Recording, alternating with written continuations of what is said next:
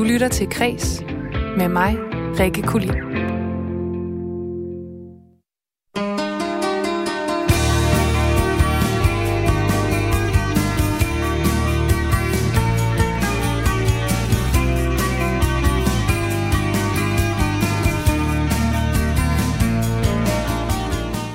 Hvordan bevarer vi vores kulturarv? En vedtaget samtykkelov og en færøsk kulturminister, der har trukket filmstøtte til en film tilbage. Det er de nyheder, mine tre gæster i ugens fredagspanel de har med i dag. For hver fredag så inviterer jeg tre kulturpersonligheder i studiet for at tale om, hvordan deres uge har været, hvilke kulturelle nyheder, der har fyldt for dem i løbet af ugen, og så skal vi høre en masse god fredagsmusik. Og fredagspanelet i dag, det består af en øh, helt ny forfatterspire, som øh, debuterede tidligere på måneden med bogen Cherry. Og så er hun ovenikøbet født i det bedste år nogensinde, og det var ikke fordi Danmark vandt EM i fodbold det år, men også fordi, eller men fordi, at jeg også er født der. Så velkommen til Inger Christine Løve. Tak. Så har vi også en øh, ret central aktør i Viborg, som i den grad er en by, der har blomstret på kulturområdet i år, og som også er min fødeby, og derfor har en særlig plads i mit hjerte. Han er museumsdirektør på Viborg Museum, og derfor så er det meget vidunderligt, synes jeg, øh, et sammentræf, at hans navn er Brian Viborg. Velkommen til Kreds, Brian. Tusind tak for det. Og sidst men ikke mindst, så kan jeg byde stort velkommen til musikproducer og forsanger i rockbandet Go Go Berlin, som, ja, er min yndlingsby, så ja. har vi fået lidt... Uh... Nå, jeg håber, du vil sige, at det var dit yndlingsband, men uh, vi tager også den så. altså, det er også mit yndlingsband, det kan jeg godt sige dig, Christian. Okay, og uh, du hører ham allerede snakke nu. Han er uh, forsanger i bandet Go Go Berlin, som altså insisterer på, og det er noget, jeg holder meget af, at festsangen, de altså også kan rumme masser af melankoli. Og så er han en uh, genganger her i Kreds fredagspanel, og det er ellers noget, som sker ret sjældent. Christian Vium, velkommen til Kreds. Sikke fornemt. Det er jeg glad for. Tak fordi, at jeg må komme tilbage så. Ja, selv tak. Og tak fordi jeg har alle tre. Og øhm, det er det sidste fredagspanel for i år, så jeg synes, vi skal skåle ekstra meget, åbne vores drikkevarer og sige skål alle sammen. Tak fordi I er med. Skål. Tak fordi vi måtte. Ja. Ah, den bedste lyd i verden. og der bliver slubret. Det er dejligt, I er med, og det er jo sådan, at William lidt skal høre, hvordan jeres uge er gået hver især. Og så har I jo alle sammen taget en kulturnyhed med. Men øh, jeg starter altså selv ud med at spille et nummer for at sætte stemningen. Og i dag, der fylder øh, den her kvinde 40 år. Vi skal høre en øh, sang fra et fantastisk album, der kom øh, tilbage i 2002. Nemlig Stripped. Det er ingen andre end øh, Christina Aguilera. Og mit yndlingsnummer på den øh, plade, det er featuring Lil Kim, Nummeret hedder Can't Hold Us Down, og sådan starter vi altså fredagspanelet i dag her på Kreds på Radio 4. Rigtig hjertelig velkommen til. Mm.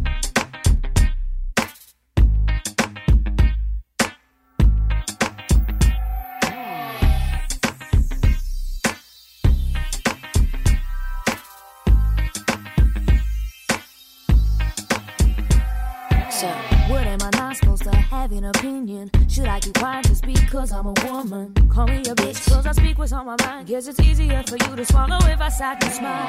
When a female fires back, suddenly they talk don't know how to act. So is what any little boy would do. Making up a few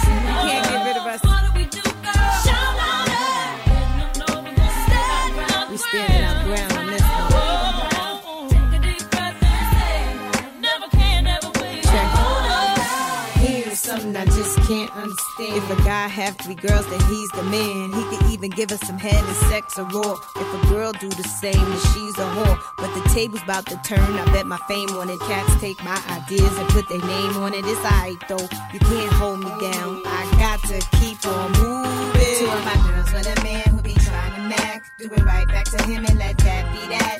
You need to let him know that his game is whack. And little Kim and Christina Aguilera got you back. Think you're so cute, so coy.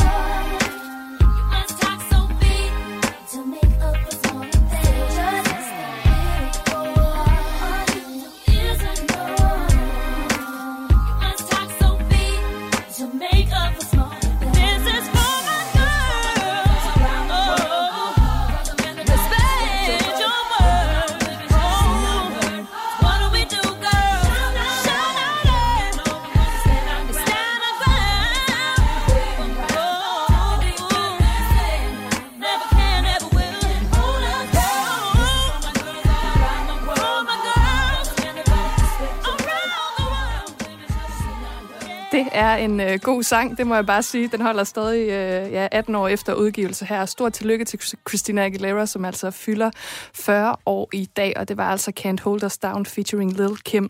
Mit navn er Rikke Kulin, og du lytter til Kreds på Radio 4, hvor jeg i dag har besøg af et dejligt fredagspanel, og øh, i det, der er Christian Vium, som er forsanger i mit yndlingsband. Så har vi Brian Viborg, som er museumsdirektør, og Inger Christine Løve, som er forfatter.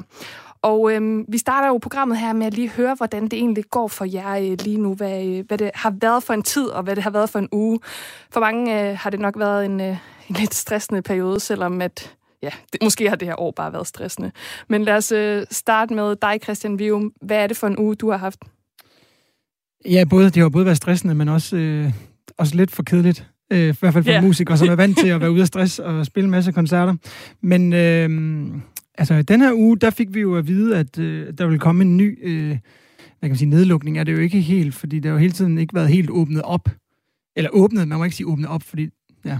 Men, øh, men øh, nej, vi valgte at fejre øh, nedlukningen med at, at lave en, øh, en livestream, som vi har gjort utrolig meget øh, hen over de her, øh, de her måneder. Øh, og det indebærer, at vi selvforsynende med en form for transmission af en koncert fra vores eget studie. Øh, og det gjorde vi i anledning af, at vi for en, godt om vel en halvanden måned, når er det nok, siden udgav en ny EP. Og øh, den spillede vi så fra start til ende.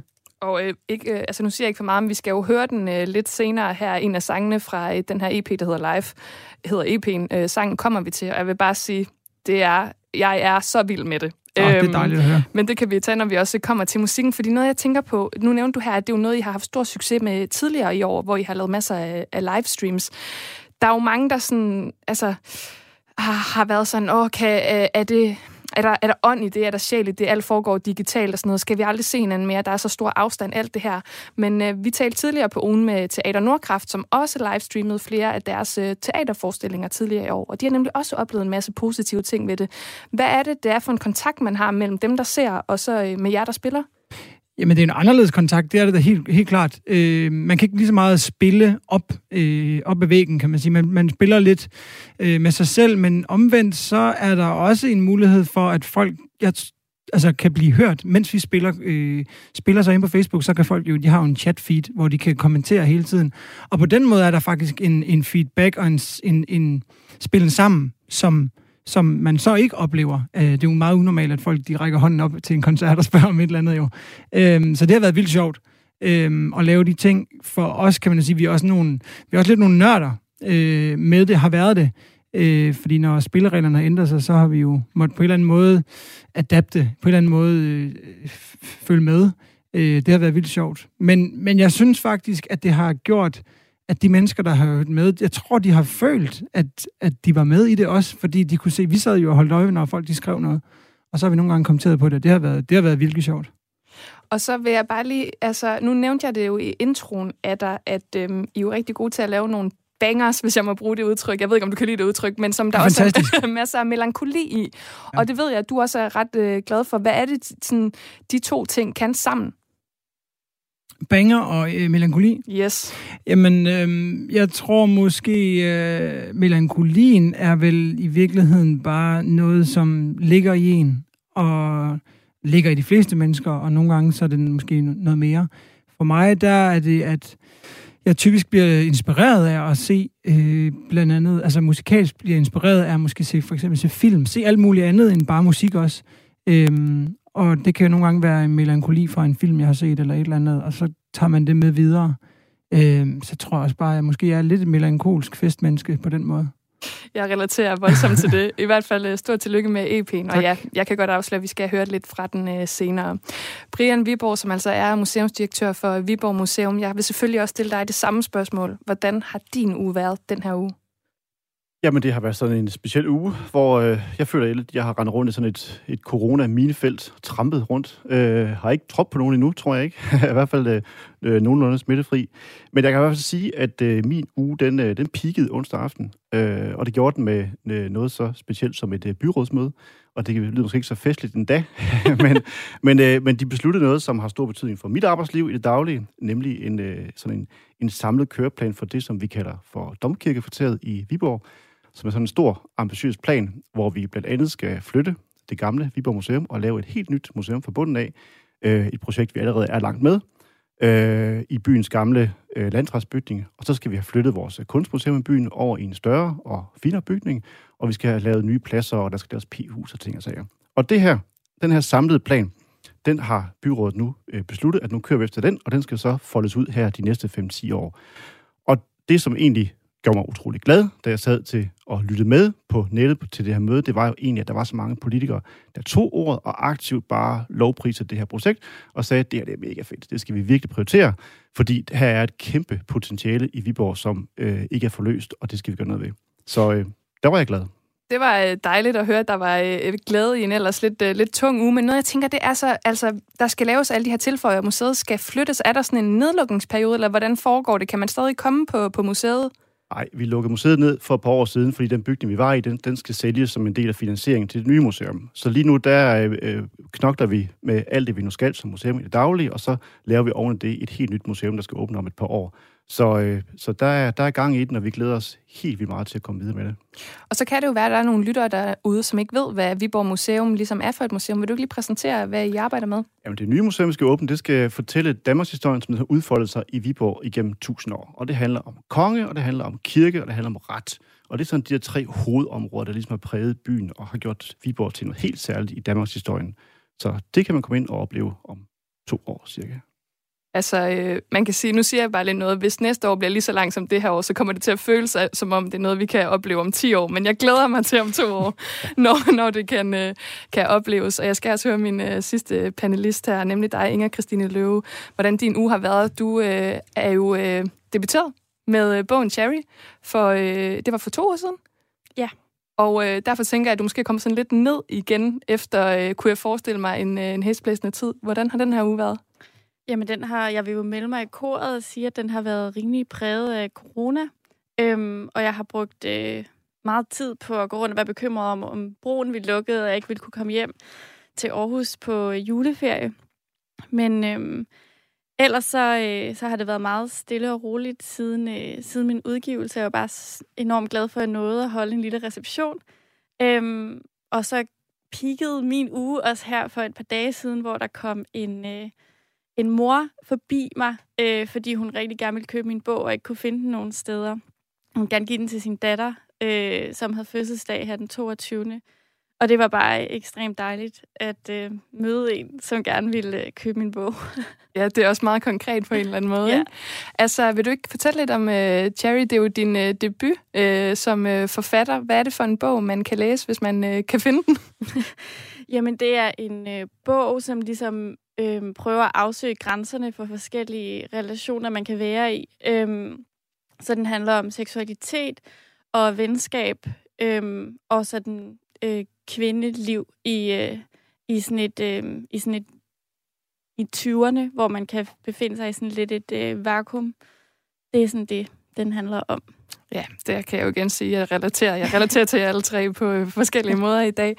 Øhm, bogen den udkom jo her for, for et stykke tid siden. Altså, hvordan har det været øh, sådan at få den udgivet? Er man sådan, hvordan har du det lige nu? Jeg kunne godt forestille mig oven på sådan en udgivelse, at man er sådan, det ved jeg ikke, altså, det ved jeg ikke, sådan lidt tom ind i, eller hvordan har du det lige nu?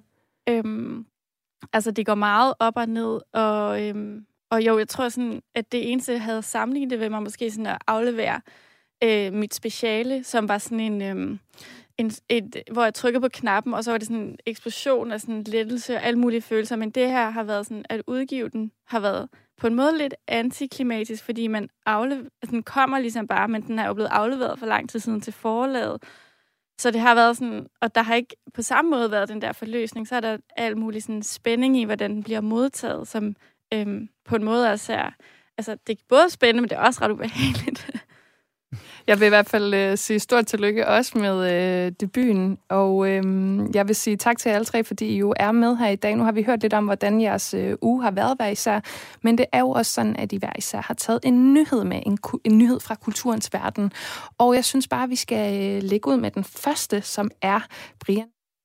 Jeg er for min egen mikrofon, jeg skulle trykke på en anden knap, Brian Viborgs nyhed. Du lytter til Kres med mig, Rikke Kulin. Og jeg har altså et dejligt panel med her i studiet. Og som sagt, så er det Brian Viborg, der får lov til at lægge ud museumsdirektør for øh, Viborg Museum. Hvad er det, du har taget med til os i dag?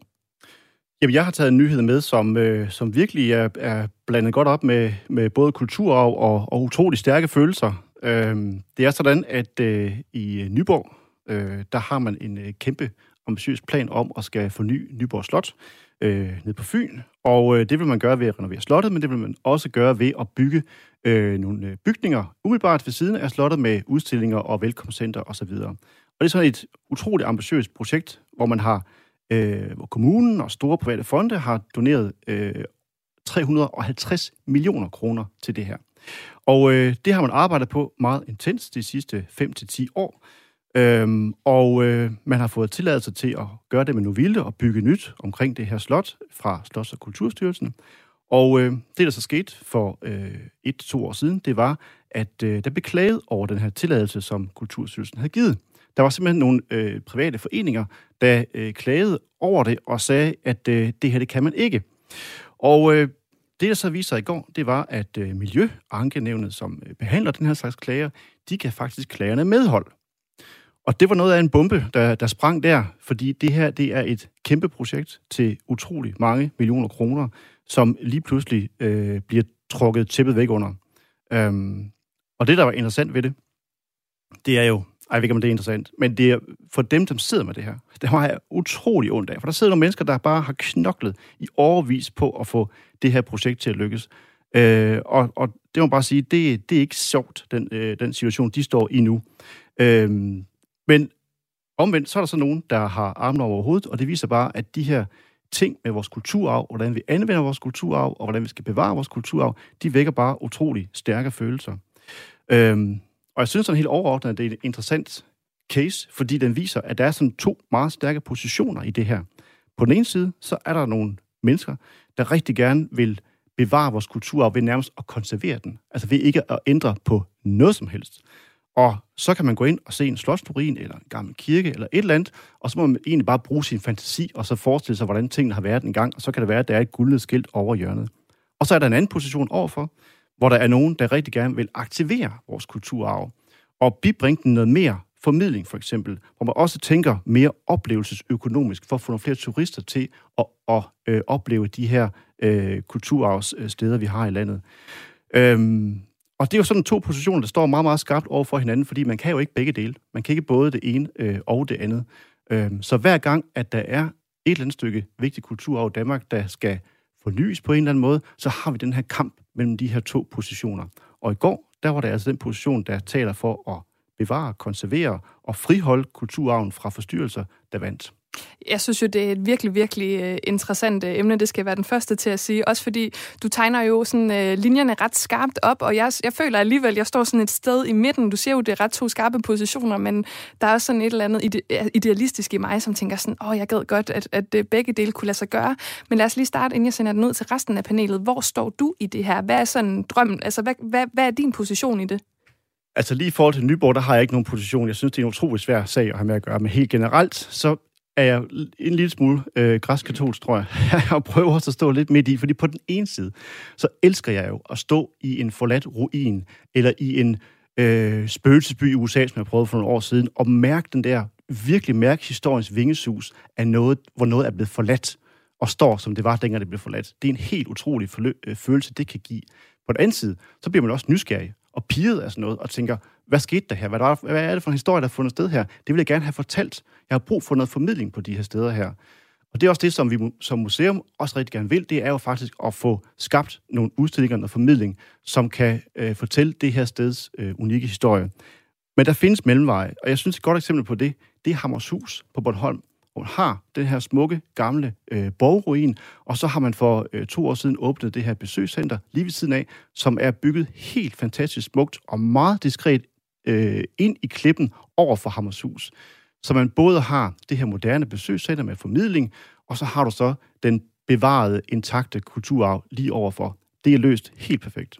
Jamen, øh, man skal bare skæve til Hammershus, hvis man øh, vil kaste sig ud i noget lignende. Jeg, jeg synes faktisk, det var et godt eksempel. Jeg stod lige og tænkte på det, øh, at det er et sted, hvor det i hvert fald, hvor man ligesom også kan stå, være sådan mellem to stole, hvis man ikke øh, klart kan vælge side. Christian Vium, hvor står du i det her? Er du, øh, en, hvad kan man sige, nu nævnte vi melankoli før. Det kan også være, at du er sentimental og øh, konservativ. Hvor, øh, hvor står du i det Nej, jeg synes også, det var et godt eksempel. Jeg har også været på Hammershus. Jeg synes, det er, det er vildt flot. Det er sjovt den måde, når man står på Hammershus, så kan man stå den ene vej og kigge på noget gammelt, der, der er på en eller anden måde er øh, romantisk og urørt og, og tilgroet og vokset øh, mos på og sådan noget. Og så kan man også vende sig om og se noget nybygget. Og jeg vil sige, at jeg kan bedst lide at stå med ryggen til det nybyggede og kigge på det gamle. Øh, men, men jeg er også enig i, at det er fedt, at, at man ligesom, det får noget nyt liv og noget... Øh, jeg, jeg kan ikke være med at komme til at tænke på, øh, at jeg var... Jeg kommer til at tænke på øh, Kalø Slotsruin, som, øh, som ligger tæt på, hvor jeg bor, øh, i Aarhus, ligger ud for Rønte, øh, hvor jeg rigtig mange gange har gået ud, og derude, det ligner jo, altså det er jo, det er jo murstensbrokker, men jeg synes, det er fedt, at det får lov at stå. Øh, jeg kommer også til at tænke på Koldinghus, som jeg så i, i Danmark i, i år, øh, en coronasommer, kan man sige. Ja, du har været helt vejen rundt. Ja, fuldstændig. Nej, men som jeg synes var interessant, fordi at det kunne jo, det har været brændt ned flere, der fik jeg en masse historier. Det var vildt interessant at, at gå ind og kigge det. Øh, og det var sjovt at se, at noget af det gamle øh, bygninger og vægge stadig stod der, og så var der bygget noget nyt på. Så jeg er glad for, at jeg ikke skal tage beslutningen. Jeg synes, begge ting kan noget, men altså, som udgangspunkt, så kan jeg rigtig godt lide, at tingene står, som de gør. Øhm, men omvendt, så er det jo nogle gange for... Nu kan jeg rigtig godt lide at komme i Spanien. Nogle gange, så kan du jo godt udefra gående godt være klar, ikke være klar over, hvad det er, du står på. Ja, ja. Helt, helt lavpraktisk, at du ikke er klar over, at det er et, et gammelt sted. Ja, der mangler ligesom noget formidling, tænker Ja, du? ja, selvfølgelig. Ja, altså noget jeg også tænker på, Inger Christine Løve, nu bor vi to jo begge i øh, København, og jeg ved godt, du kommer fra Jylland, men øh, vi bevæger os rundt i København til øh, daglig. Nu har vi jo lige snakket sådan om, hvad kan man sige, museer og slotte og så videre, men noget, som også øh, optager ret mange i København, det er, at der bliver bygget rigtig, rigtig meget nyt, og der er rigtig mange gamle bygninger, der ligesom også må lade livet for sådan nybyggeri, og det er jo også et eller andet sted øh, kulturarv, og der er selvfølgelig en masse fredet her i øh, indre København, men der er også rigtig mange steder, hvor jeg synes, der er nogle rigtig pæne hus, som altså, de må lade livet til fordel for, for nybyggeri. Altså, hvor står du i den? For jeg, der bliver jeg meget konservativ og og tænker, kan vi ikke bevare det præcis, som vi er? Hvad, hvad tænker du om det? Øhm, jamen, jeg tror, jeg, eller jeg tænker, at, øh, at, en, at vi ikke bor i den gamle by. altså, sådan, byen må udvikle sig, og det gør den. Øhm, og øh, der må blive bygget nogle ting, som, øh, som selvfølgelig skal gøres med respekt for, øh, hvordan for eksempel Indre København ser ud. Og jeg synes, at det kan være ærgerligt, hvis der bliver bygget helt vildt højt inde i et område, hvor at husene ellers er lave. Men ellers så, øh, så tænker jeg også, at byplanlægning og sådan arkitektur og sådan noget må være øh, dynamisk og på en eller anden måde følge med. Men det er selvfølgelig ærgerligt, når der er sådan, så, altså når det bliver sådan noget, øh, altså sådan noget kapitalfond, spekulation, store byggerier, der øh, er bare rigtig, rigtig grimme. Altså, fordi man kan jo godt bygge moderne, som er pænt, men Ja. det er jo nok bare øh, tit så er det moderne, og ikke så pænt. Jeg synes til gengæld, du er inde på noget, hvis jeg må afbryde, men jeg synes til gengæld, du er inde på noget, der, der, der, bliver- så bliver det lige pludselig subjektivt og med svært, altså grimt og pænt. Altså for eksempel så, øh, hvis jeg kigger på Aarhus, så er der latinerkvarteret, som jeg vil øh, rykke mit hår ud af hovedet på mig, hvis de begyndte at ødelægge det. Men Seersbyen, den kunne de godt rive ned, det har jeg det så fint med. Men, men hvem er det, der skal lave, tage de der beslutninger? Og det er panel, Men hvad er det? det er virkelig interessant det der, fordi jeg, kom, jeg vil lige komme med et eksempel fra København, som jo har vagt stor debat. Det er jo Palas, som ligger på Vesterbro, ja. øh, som er en, øh, en meget gammel bygning, og som selvfølgelig også har ændret udseende undervejs, men øh, nu er den ligesom kendt for sine ikoniske farver, og den skal jo øh, rives ned, og så skal Bjarke Engels Group lave et, det her legetårn. øhm, Ja. Altså, det er jo sådan et, hvor at det er jo blevet besluttet, og så kan der være en hel masse, som siger, jamen, vi synes også, at Palas er grim nu, eller, men vi synes også, at det skal bevares, fordi der er en historie. Altså, det er jo sådan et af de der steder, som Christian rigtig nok siger, hvem er det, der skal beslutte, hvad, hvad der er pænt og hvad der er grimt? Hvor, altså, vi kan ikke starte med Palas. Hvad tænker du om øh, det nye Palas, hvis du har set øh, Altså, billederne? Ja, det tror jeg. Jeg kan ikke helt huske, hvordan det ser ud, men jeg tror, i det tilfælde, tror jeg bare, jeg synes, at det er ærgerligt at overhovedet at rive en bygning ned, som fungerer, og som har en eller anden form for Ja, øh, kultstatus i. Øh, altså, det er noget, øh, de fleste ved, hvad er også, eller man ikke bor i København. Og jeg, øh, jeg ved bare ikke helt, hvad grunden er til, at man, at man gerne vil rive det ned. Jeg tænker, der kan være et andet sted, hvor Bjarke Engels kan bygge sit øh, legetårn, eller hvad det er, der skal være derinde. Øhm, så det synes jeg er rigtig ærgerligt. Men, øh, men jeg tænker også bare mere på det sådan noget, når man sådan bygger ud i Sydhavn og sådan nogle steder, hvor jeg sådan, jamen så må det jo bare se ud, som man gør, i, som man bygger i dag. Ja, altså, jeg synes, det er en øh, virkelig god diskussion, du har rejst her, Brian, og vi kunne fortsætte meget længere, men øh, vi skal jo også forbi de andre emner i programmet, så derfor skal vi til at runde af. Og det gør vi altså med den sang, du har valgt i øh, dag. Vil du ikke præsentere for panelet og lytterne, hvad det er, vi skal lytte til nu? Jo, det vil jeg gerne. Jeg har simpelthen valgt en julesang, og det er jo af gode grunde, øh, at jeg har gjort det. Og det, og det er faktisk, øh, fordi jeg synes, det er så meget dårlig julemusik. Øh, og vi skal snak. høre på det hver eneste år. Så jeg sad den anden dag og, øh, og, og kiggede lidt rundt. Findes der ikke nogen, der har lavet noget, noget bedre julemusik? Og der faldt jeg over en sang, som Hymns from Nineveh har lavet, som hedder Uncomplicated Christmas Song. Og den valgte jeg egentlig ikke, fordi jeg synes, det er, jo, den er okay. Jeg synes, de har lavet fede numre end den. Men titlen, Uncomplicated Christmas, altså, det er jo det, vi alle sammen gerne vil have, ikke? En ukompliceret jul, hvor børnene ikke skændes, hvor forældrene ikke skændes, hvor alt er godt, maden er god, og man får det gave, man vil have. Og tænk sig, hvis ens kæreste eller kone ikke skal bytte den gave, man har givet, ikke? Altså, det er jo topmålet af julelykke. Det er drømmen, og især i år kunne man virkelig godt bruge en un- uncomplicated Christmas. Det bliver det nok helt sikkert ikke i mange tilfælde, men derfor så får du altså her uh, Hymns from Nineveh med Uncomplicated Christmas Song.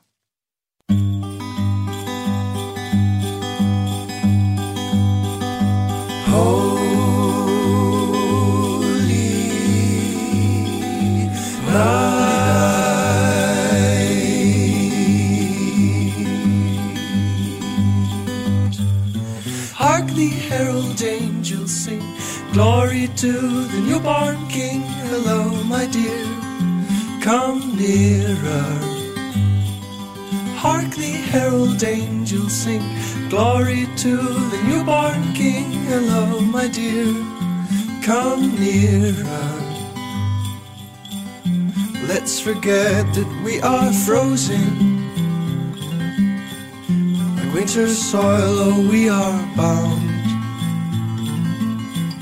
Just for tonight, we are holy on this holy night. Hark the herald angels sing, glory to the newborn King. Hello, my dear, come nearer. There must be some more joy in me that winter eyes have let me see. Come near to me.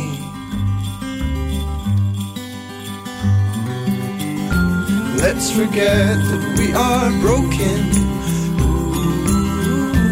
Shattered glass, reflect the moon. Just for tonight, we are holy, holy night. Let's recall that we are humans, words meant for solitude. And like our eyes, the skies are open on this holy night. Angels sing, glory to the newborn King. Hello, my dear, come near to me and sing uncomplicated Christmas songs.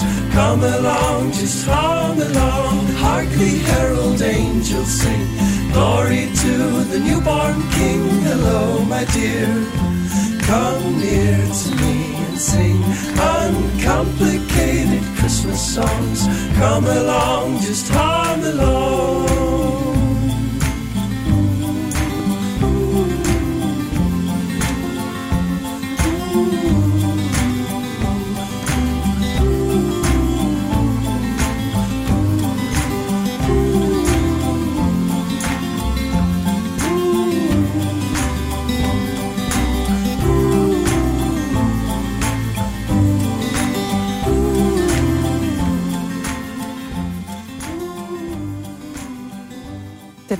Altså Hymns from Nineveh med uh, Uncomplicated Christmas Song. Vi uh, krydser alle fingre for, at uh, julen i år den altså bliver så ukompliceret som muligt for uh, ja, alle mennesker i uh, både det land og hele verden. Nu lyder jeg som en eller anden med sådan uh, deltager i en skønhedskonkurrence. Men det var altså valgt af uh, Brian Viborg, og nu skal vi videre til vores uh, næste nyhed her i uh, fredagspanelet i Kreds. Du lytter til Kres med mig, Rikke Kulin. Og det gør du altså her på Radio 4. Og med mig i mit fredagspanel i dag, der har jeg Inger Christine Løve, Christian Vium og Brian Viborg. Og Christian Vium, det er simpelthen dig, der har øh, taget den næste nyhed med, som vi skal tale lidt om nu. Hvad er det, du har øh, taget med fra ugen, der er gået?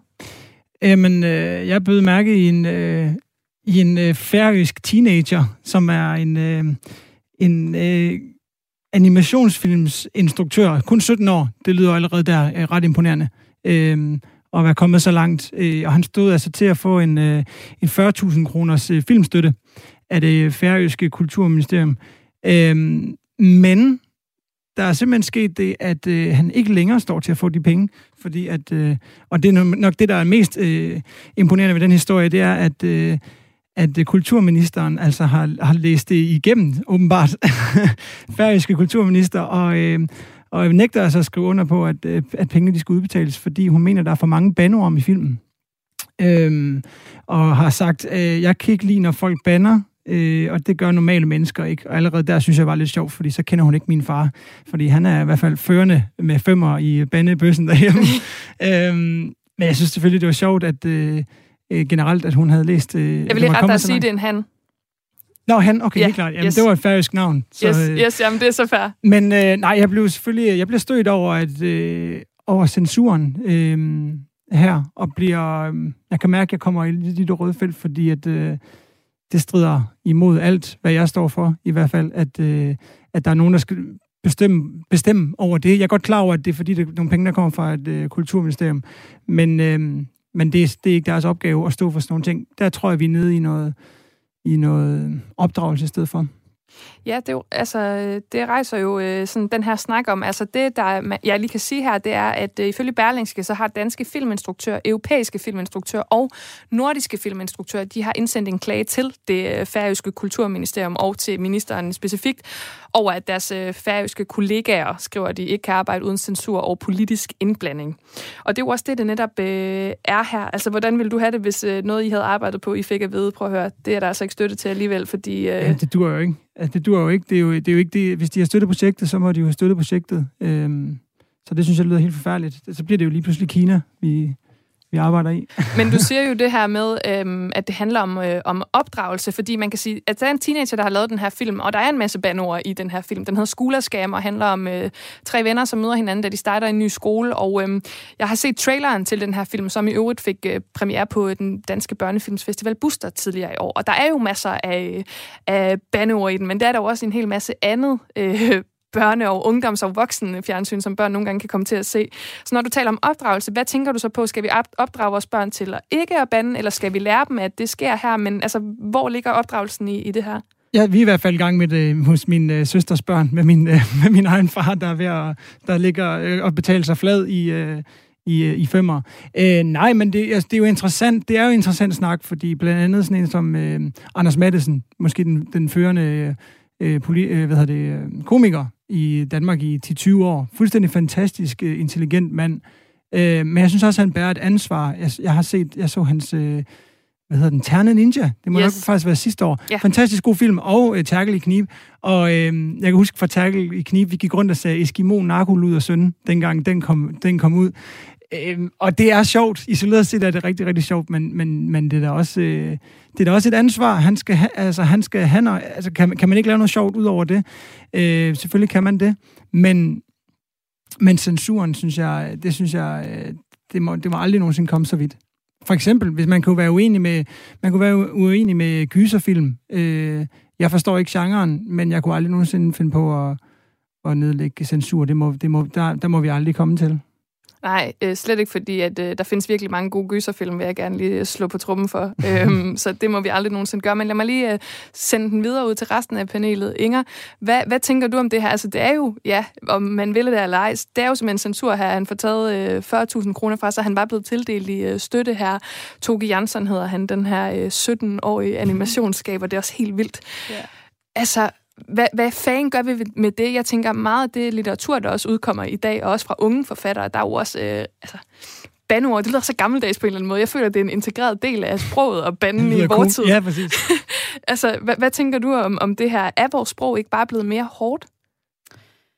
Jo, det er det vel, eller det har i hvert fald bare forandret sig, og man, der, der er jo altid øh, den her idé om, at øh, folk, som er øh, ikke er unge længere, kan stå og være sådan her, uha, ungdom nu til dag, hvad skal der dog blive af dem? Øhm, fordi sådan, er, sådan udvikler det sig jo bare, åbenbart bare altid. Men, øhm, men det er da ekstremt ærgerligt, øh, og jeg tror også, det er, det er rigtigt det her med, at man skal ikke, øh, man må, det må bare ikke komme ud på sådan noget med, at man skal sådan her finde ud af, om man er enig eller uenig med et eller andet kunststykke, fordi sådan her, kunsten skal ikke på den måde blive moralsk, den bliver nødt til at være fri for de der ting, og kunne, kunne handle og sige det, som den vil, uden at, øh, uden at skulle tale ind i et eller andet øh, politisk, øh, et eller andet dominerende politisk. Men Bria Viborg, lad mig lige øh, inddrage dig i samtalen her. Det handler jo også rigtig meget om, at der er rigtig mange børn, der kommer til at, øh, at se, se det her. Altså, der er et ledigt standpunkt indtil videre i panelet, hvor du kan sige, at du er enig med det, den færøske kulturminister har gjort. Det kan du lige få lov til at sige, at du er eller ikke er. Hvor står du med, med den? Ej, jeg er ikke enig, fordi han udøver en censur, som, som jeg synes ikke er nødvendig, og ikke som til, den tilkommer ikke ham. Og hvis jeg skal ud, udøve censur i, i den her situation, så er det jo forældrene, der skal udøve censur og sige til deres børn, ah, det der, det skal jeg altså ikke se, fordi vi synes ikke, at det er ordentligt, for eksempel. Der har forældrene et ansvar. Øhm, så, så på den måde, så, øh, så, så nej, jeg, jeg tager ikke det ledige standpunkt. Men jeg, alligevel, så synes jeg, at noget, der er noget interessant i det her, det er jo, at at bandeord er jo ikke bandeord længere. Der findes jo nærmest ikke bandeord. Nej. Altså, det er, det er så integreret en del af, af de fleste menneskers sprog i dag, at man næsten ikke kan finde den der... Altså, vi har nået den ydre grænse. Og det er næsten synd for børn i dag, at, at de ikke selv kan bryde nogen grænser, fordi de kan sige alle de bandeord, de vil i hele verden, og så vil øh, der er jo næppe nogen, der vil rynke smart på bryn på det. Ikke? Der er nogle forældre, der holder det i hævd, at det kan man ikke, og det skal man ikke, og fy, fy og sådan noget. Men, men de fleste bander jo selv alligevel, ikke? Så det er jo sådan lidt... Altså, så på den måde, så vi tager jo også nogle grænser fra børnene ved at sige, at de ikke har nogen grænser. Altså, og det er egentlig lidt synd, fordi hvordan skal de så bryde grænser i, i deres ungdom? Ja, ja. Altså. Det, er en, det er en rigtig god pointe, og det er lidt interessant. Jeg vil gerne sende den videre til Christian, fordi da vi to talte sammen tidligere i dag, så nævnte du det her med, at du har en, en øh, bekendt eller en ven, som øh, læser til lærer, og at børn nu til dag, siger jeg, og lyder tusind år gammel, deres sprog er ikke, hvad det var tidligere. Vil du ikke, altså, hvad var det, du, øh, du tænkte på der? Nej, men det var sjovt. Han kom jo netop hen til mig. Det var faktisk uden om den her snak her, men det var, det var nok i løbet af ugen, at han havde haft sin første praktikplads i en folkeskole, og var fuldstændig øh, øh rundt på gulvet over, hvor, hvordan de talte. Hvordan de øh, altså, talte til hinanden, og hvordan sproget var, hvordan, hvordan, hvor, man, hvor mange bandeord han mødte hele tiden. Øh, og som du nok selv siger, Viborg, så er jeg enig i, at grænserne, det er, jo, det er jo næsten synd for dem, at grænserne ikke kan blive skubbet mere. Men, men det er rigtigt, jeg synes, der er noget opdragelse, også i forhold til den respekt, han mødte. Nu kan jeg kun tale på hans vegne, øh, som jeg synes, øh, altså det, det, bliver, det bliver sgu ked af at høre. Altså. Men man kan sige, at børn får det jo heller ikke fra øh, fremmede. Mm-hmm. der er rigtig, rigtig mange voksne mennesker, som øh, blandt andet på øh, internettet skriver enormt grimt, og rigtig mange børn har jo også adgang til internettet, hvor jeg også tænker, at jeg oplever tit et eller andet YouTube-kommentarfelt, hvor man bare kan se, og, og nu lyder det meget mærkeligt, det jeg siger nu, men så har jeg måske været inde på en eller anden øh, video, som måske øh, altså henvender sig til børn, og så kan man se, at der bliver skrevet rigtig grimt, og det er børn, der ligesom sidder og skriver grimt der. Altså, så der er jo også noget med, at der bliver smittet af på, hvordan der ellers er rundt om børnene. Altså, så jeg tænker, at børnene har vel ikke noget ansvar i det her. Du står og nikker, Inger. Er du enig? Ja, men jeg tror, jeg har bare en oplevelse af, at børn er meget mere respektfulde, end, øh, end voksne mennesker er øh, ofte, og kan finde ud af at tale meget pænere til hinanden end, øh, end voksne. Altså, altså sådan, man skal jo ikke være ret lang tid på sociale medier, før at, øh, at, man, at man bare bliver ret opgivende. Jeg kan huske lige, da jeg havde udgivet min bog, var der kommet en artikel, hvor der ligesom stod mit navn, Inger, i rubrikken, og så var der bare rigtig mange voksne mennesker, der havde været sådan her, ej, det kan man da ikke hedde, når man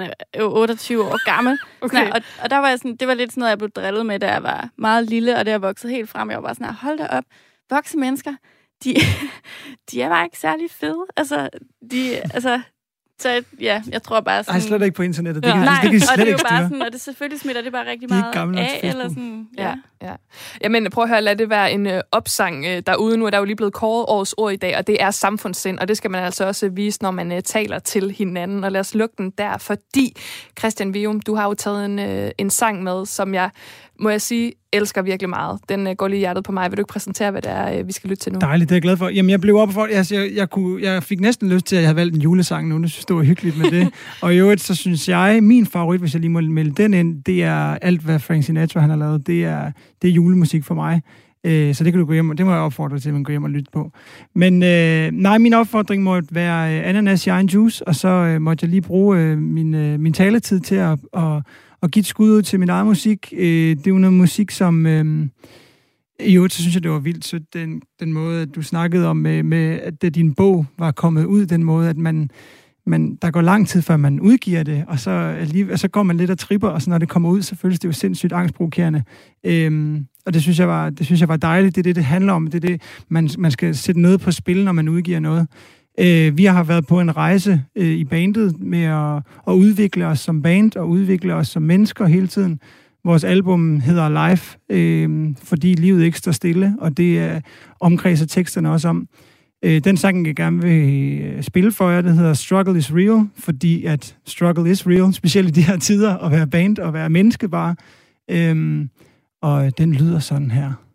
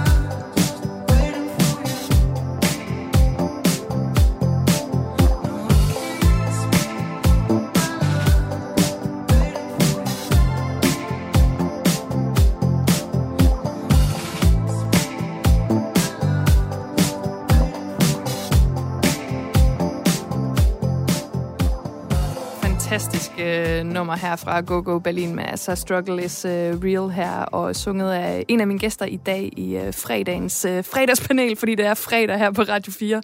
Og nu, der skal vi til den sidste nyhed. Du lytter til Kres med mig, Rikke Kulin. Og så fik jeg vist også sagt, at der er et fredagspanel i dag, som består af Christian Vium, Brian Viborg og Inger Christine Løve. Og Inger, det er jo dig, der får lov til at øh, lukke ballet her. Du er rosinen i pølseenden. Hvad er det, du har øh, taget med til panelet i dag? Øhm, jamen, jeg vil gerne tage den her gode nyhed med i, øh, i alle de her dårlige nyheder, der er øh, for tiden, som er, at øh, der er lige er blevet vedtaget den her samtykkebaserede voldtægtslovgivning, øh, som et enstemmigt folketing har vedtaget, øh, og som gør mig ekstremt glad, og ikke kun fordi det ligesom er en jura-ting, men også fordi, at det øh, kan være med til at være grobund for, den, for en kulturændring. Øh, både i måden, vi, øh, vi taler om øh, sex på, og, øh, og overgreb og voldtægt.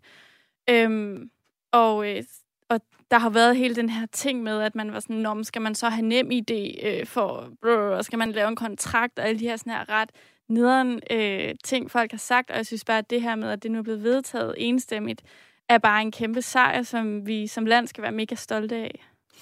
Og ja, du øh, hæfter dig ved et enstemmigt folketing. Det er faktisk også noget, det synes jeg nærmest er et lille julemirakel. Mm. Altså, jeg er meget glad for, at der ikke var nogen, der stemte imod for den her, eller imod samtykkelovgivning, men et enigt folketing, det bliver da ikke smukkere lige øh, op til, til jul. Altså, du nævner jo selv uh, kulturændring her i forhold til, hvordan vi taler om, om de her ting på. Allerede ved, at vi har haft den her debat i løbet af året, har du så oplevet, at det har ændret sig? Jeg oplever i hvert fald, at det er meget mere noget, folk øh, er et samtaleemne, og det tror jeg bare er en, eller det ved jeg er en god start øh, til enhver kulturændring, at man bliver nødt til at tale om det. Jeg tror, der, der har været en alt for stor, øh, altså sådan, man har det har bare ikke været noget, man snakkede om, fordi der har været sådan en idé om, at det er noget, der ligesom har skulle foregå i det usagte, eller det bare handlede om sådan kemi, eller sådan de her sådan her fortællinger, som jeg slet ikke tror på, fordi at at alle de her ting bare skal i tale sættes, så at man kan øh, afsøge hinandens grænser på en respektfuld måde. Og hvis man nu ikke skulle være med derude, så betyder en samtykkebaseret voldtægtslov altså, at det ikke længere kun er øh, tilstedeværelse af vold eller trusler om vold, som afgør, om der er voldtægt i øh, sådan nogle sager, fordi fokus vil fremover være på, om begge parter, der har haft sex, de har været indforstået med at have sex, og øh, hvad de har gjort begge to for at sikre sig, at der var samtykke. Og derfor er det også bare, der, det, som det også er rigtig vigtigt for, det er det her med, at der også har været den her fortælling om, at voldtægt er ligesom noget, der foregår i en anden gyde, som man bliver hævet ind i af en eller anden fremmed person. Øh, og derfor så, når folk er blevet voldtaget i deres eget hjem, som er ofte at det, der sker, så har de ligesom, altså det har, det har folk ikke, eller politiet ikke rigtig troet på, eller det har været rigtig svært at gå i retten med. Og det skaber den her lovændring også øh, mulighed for at øh, ændre på. Og jeg vil lægge ud til resten af mine paneldeltagere. Igen har I mulighed for et ledigt standpunkt, og jeg giver jer det. Men øh, hvad tænker I om, øh, om den her øh, samtykkelov? Jeg synes, det er en utrolig kompliceret sag, faktisk, fordi der er så meget jura i den, der, der er kompliceret, ikke? Og, og det er faktisk ikke juraen, der sådan står frem i, i debatten om det. Det handler om alle mulige andre ting. Øh, og, det, og det gør jo, at, at det, er en, det er en svær sag at, at diskutere. Men jeg er da enig i, i hvad der bliver sagt her, at det, jeg, jeg tror faktisk, det er en god ting, fordi der er en, en, en, der er en kraftig signalværdi i det her. Ja. Altså, hvor man måske havde en, en lovgivning før, der netop var baseret på, at der skulle finde en aktiv voldelig handling sted, før der kunne falde en dom. Øh, og voldtægt er måske øh, en lidt mere, mere diffus handling, eller hvad man skal sige, øh, en, en regulær øh, øh, vold. Ikke? Øh, så, så derfor så, så, så er det nok godt. Og, men altså, jeg kan da huske fra debatten også, at der har været frem, at, øh, at der var et ekspertpanel nedsat, øh, bestående af en, en flok jurister, som skulle udtale sig om, om den her samtykkelov, hvor øh, alle på der en faktisk øh, var imod, at man ændrede lovgivningen. det synes jeg er også tankevækkende, at der er eksperter på området øh, inden for juraen, der faktisk øh, siger noget modsat. Og så bliver man så lidt øh, bekymret, ikke? fordi øh, så er der lige pludselig rigtig meget politik i det også. Øh, men altså, jeg synes jo, det her signal, den kommer til at sende, tror jeg er rigtig vigtigt. Og jeg, jeg tænkte, der er jo, ikke at man kan sammenligne på den måde, men da vi fik øh, revselsesretten i, i slutningen af 90'erne, var det jo også selvfølgelig for at undgå, at børn bliver slået, men det er jo også for at sende et meget, meget kraftigt signal til forældrene om, at det her, det her kan man ikke acceptere i et, i et almindeligt samfund. Øhm, og, og det er jo også den effekt, som, som det her skal have, udover der selvfølgelig også skal følge en anden retspraksis øh, med. Øh, det er jo klart. Og hvad siger du helt kort her til sidst, Christian Vium? For jeg kan se, at tiden den flyver simpelthen afsted. Jamen, hvad kan man sige, der ikke er blevet sagt? Jeg er fuldst, jeg er jo, altså, man kan jo ikke være imod det, øh, føler jeg. Og det er jeg også glad for. Det er den bedste nyhed, der kan være, at, at de alle sammen har været enige om det. Der er alt for mange sager om, om, øh, om folk, der har været udsat for voldtægt, som, hvor gerningsmanden ikke bliver... Altså, hvor der ikke kommer nogen øh, konklusion på det, eller bliver, han bliver frikendt, eller så videre. Øh, og det er et signal, som er yderst alvorligt, og som, som jeg er utrolig glad for, at det bliver taget, fordi et, det, det, igen, vi opfordrer til, at man skal fucking opføre sig ordentligt, og man skal være gode mennesker ved hinanden. Øh, at der er nul tolerance.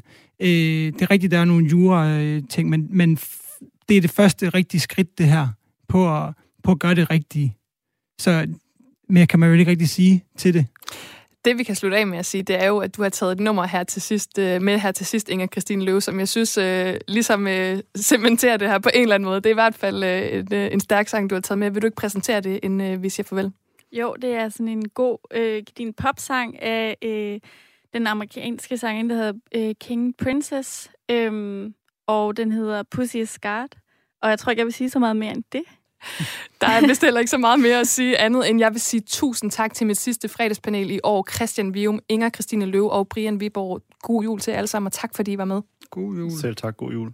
Og hvis du bliver hængende her på Radio 4, så kan du altså lytte til Stusgade med Frederik Hansen lige om lidt. Først er der nyheder, men allerførst så får du altså King Princess med Pussy Skirt. Mit navn er Rik Kulin. Tak for nu.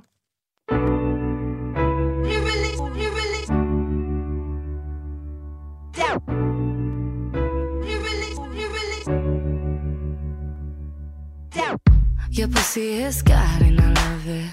Gonna kiss me real hard, make me want it. I think star signs mean nothing, but I know you feel right, so I'm coming. Get tired when you're getting up, knocked down from some other love, but their best wasn't good enough, and you're number one to me.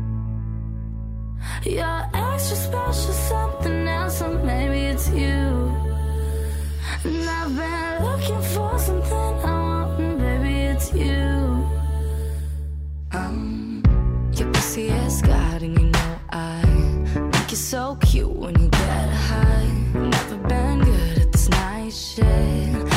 try if you like it.